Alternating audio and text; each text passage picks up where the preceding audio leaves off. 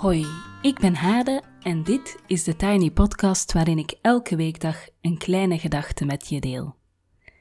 Vandaag is het maandag 11 januari en de kleine gedachte gaat over creatieve therapie.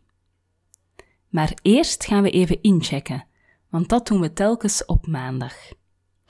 Ik ga je twee vragen stellen en ik geef je een minuut om daar even bij stil te staan. Een minuut stil zijn in een podcast, dat lijkt echt heel lang. Maar ik kan me echt voorstellen dat je meer tijd nodig hebt, bijvoorbeeld als je schrijvend wil inchecken met jezelf, naar aanleiding van de vragen. En dan kan je deze podcast natuurlijk gewoon even op pauze zetten. Na de minuut stilte ga ik zelf ook even inchecken, dat doe ik elke maandag. De vragen voor vandaag zijn: hoe zit je er momenteel bij? Of hoe sta je erbij? Of hoe loop je erbij? En wat heb jij de afgelopen periode over jezelf ontdekt? Dus, hoe zit je erbij momenteel en wat heb je de afgelopen periode over jezelf ontdekt?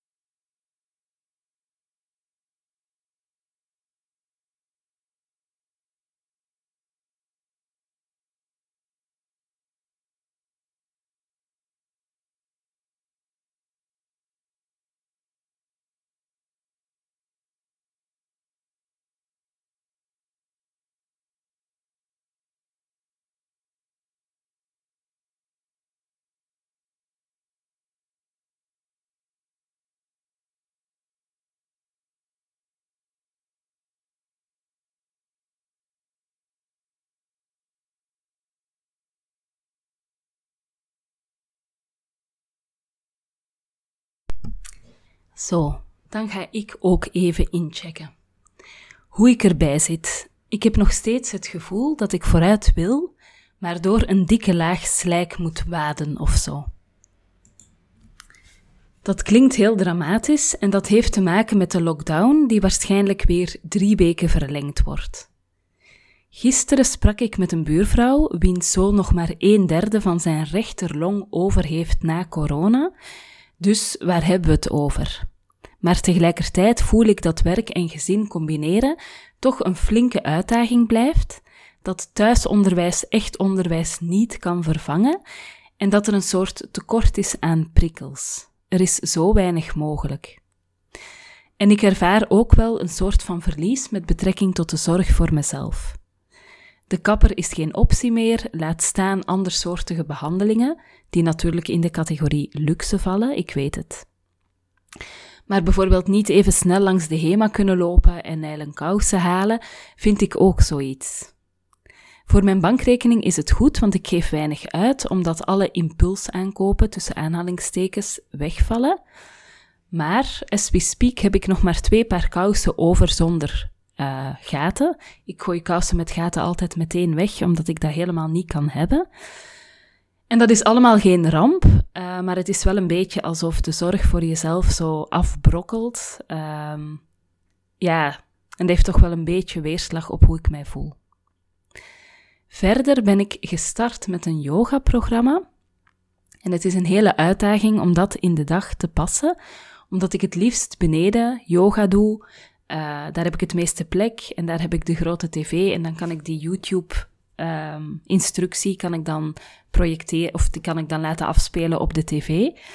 Um, nou ja, maar dan zit ik natuurlijk in onze woonkamer en de kinderen, als die in de buurt zijn, dan zien ze dat toch echt als een uitnodiging om op mij te klimmen of tegen me te praten of allerlei vragen te stellen.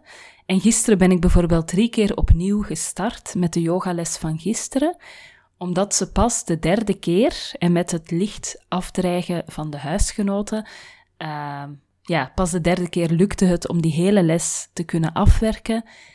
Um, en dan merk ik dat het mij enorm veel deugd doet en mij meteen ook meer in mijn lijf brengt.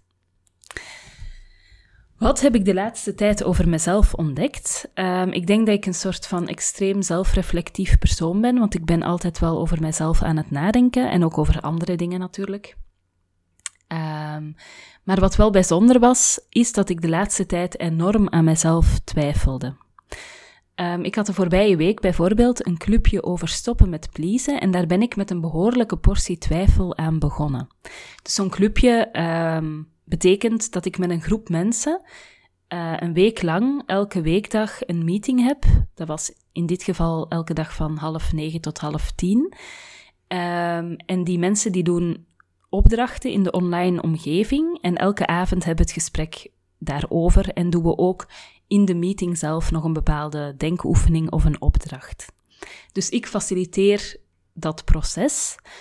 Um, en wat ik merkte was dat iedereen uh, stappen zette, dat het gesprek in de groep goed ging en dat iedereen in beweging kwam.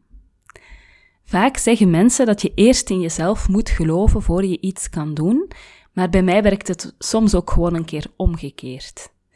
Um, ik heb natuurlijk periodes, bijvoorbeeld de periode waarin ik dit clubje maakte, toen twijfelde ik niet in die mate aan mijzelf, maar nu was er weer wat zelftwijfel ingeslopen. Uh, maar dat clubje is dan geprogrammeerd en er zijn deelnemers, dus dan ga je er natuurlijk gewoon voor.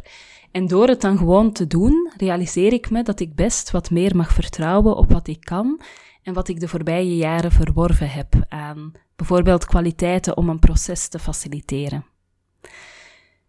Ik hoop voor mezelf dat ik eens in een periode zonder twijfel terechtkom, dus dat ik echt gewoon een soort van stabiel geloof in mezelf heb, uh, zonder dat eeuwige gesprek met mezelf, die eeuwige dialoog, um, ja, met elementen van twijfel erbij. Maar zelfs als ik, niet, uh, als ik dat punt niet bereik, dan red ik het toch ook nog wel even zo. Tot daar mijn check-in voor vandaag. Um, en ik heb voor jullie vandaag ook een anoniem stukje van een van mijn cursisten. En die vertelt wat creatieve therapie voor haar heeft betekend. Een aantal jaar geleden deed ik mee aan zo'n soort van creatieve therapie um, bij een hele lieve vrouw. Um, en dat was onder andere samen met mijn mama. Omdat ik graag iets wil doen met mijn mama. Ja, iets, iets creatief, iets leuk, waarbij dat we niet constant elkaar in de haren vlogen. en dat was eigenlijk bij een vrouw die zo aan de slag was als, als ja, creatieve uh, therapeute. Uh, dus je kon aan de slag gaan met heel veel materialen bij haar telkens met zoiets in het, in het achterhoofd. Bijvoorbeeld, een van de eerste opdrachten was een collage maken over het moment dat je toen was in je leven. Um, een andere opdracht was ook met klei werken. En dat was telkens heel fascinerend om te zien hoe dat mijn mama en ik tot totaal andere resultaten kwamen. Dat wij zo anders in elkaar zitten. Um, en ja, dat heeft op zich misschien niet zo heel veel um, ervoor gezorgd dat mijn mama en ik een betere band kregen, maar het was ja, wel fascinerend. En op een bepaald moment was mijn mama ziek en was ik daar alleen naartoe gegaan. En um, daarover wil ik graag vertellen. Dus ik lag eigenlijk op, een, op een grote tafel uh, met een groot blad papier onder mij. En die vrouw tekende mijn omtrek van mijn lichaam op uh, dat blad papier. Dan mocht ik terug recht staan en dan mocht ik eigenlijk met verf uh, die contour van mijn lichaam inkleuren. Um, ik mocht zelf kiezen hoe of wat. Um, dus welke kleuren, waar dat ik ze ging aanbrengen. Wou ik in detail werken, wou ik heel grof werken. Mocht ik allemaal zelf kiezen. Dus ik herinner mij dat ik dan um, echt kleuren koos per ja, lichaamsdeel of per bijvoorbeeld mijn schouders in een bepaalde kleur. Ehm, ik herinner mij ook mijn voeten, dat ik zo echt heel stevige soort van botjes, laarsjes uh, geschilderd had. Niet in detail, maar gewoon zo heel stevig in zo'n soort bruine kleur. En zo langzaamaan eigenlijk heel mijn lichaam uh, ingevuld met kleuren en, en dat op dat moment goed voelde voor mij. En ik herinner mij dat we ja, pakweg een uur bezig geweest waren of zo. En dat dat ja, echt voorbij gevlogen was. Ehm, en dat dat heel krachtig aanvoelde. dat ik voelde met elke, ehm, ja, elke verfstreek, um, hoe zeg je dat, dat ik zette, uh, dat ik die kleur op mijn lichaam plaatste, dat ik, dat ik die beweging, die, ja, dat gevoel, dat ik mijn, uh, mijn pijn die in mij zat, um, dat ik dat echt wegnam. En uh, als dat dan gedaan was volledig, als mijn, mijn lichaam volledig ingekleurd was, dan voelde ik mij helemaal, uh, helemaal vrij. Ik had nergens meer pijn, ik had nergens onrust, ik was heel, ik was heel rustig. Um, alles op mijn lichaam, ja, ik even telefoon. Um, ja, alles in mijn lichaam was zo rustig. Alles was zo van mij afgevallen. Ik herinner mij dat mijn schouders zo licht waren. Um, en dat is echt een effect dat ik heel bijzonder vond.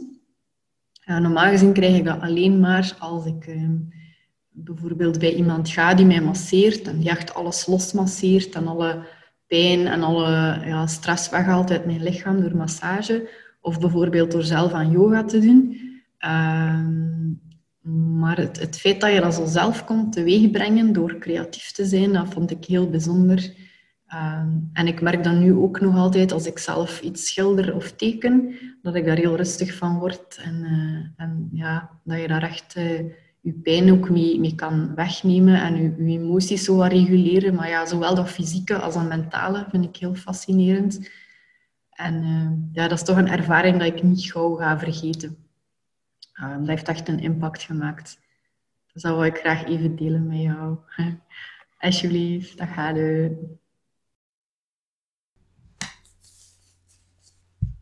Zo heel fijn om te horen dit. Intussen heb ik een nieuwtje voor jullie. Ik had al verschillende keren de vraag gekregen wanneer het clubje rond de innerlijke criticus weer zou ingepland worden. Wel, dat clubje komt er weer aan en het is een clubje met een wekelijkse meeting. De meetings zijn op 27 april, 4 mei, 11 mei, 18 mei en 25 mei, telkens van 20.30 uur tot 21.30 uur. Ik zet het linkje om in te schrijven in de show notes en de plaatsen voor dit clubje zijn beperkt. Dus dit is een clubje waarin, we, uh, waarin je opdrachten krijgt rond het temmen van je innerlijke criticus. Um, en elke week hebben we een meeting met een kleine groep deelnemers, waarin we met elkaar delen over het proces. Tot zover voor vandaag. Je kan me volgen op Instagram, TheTinyPodcast.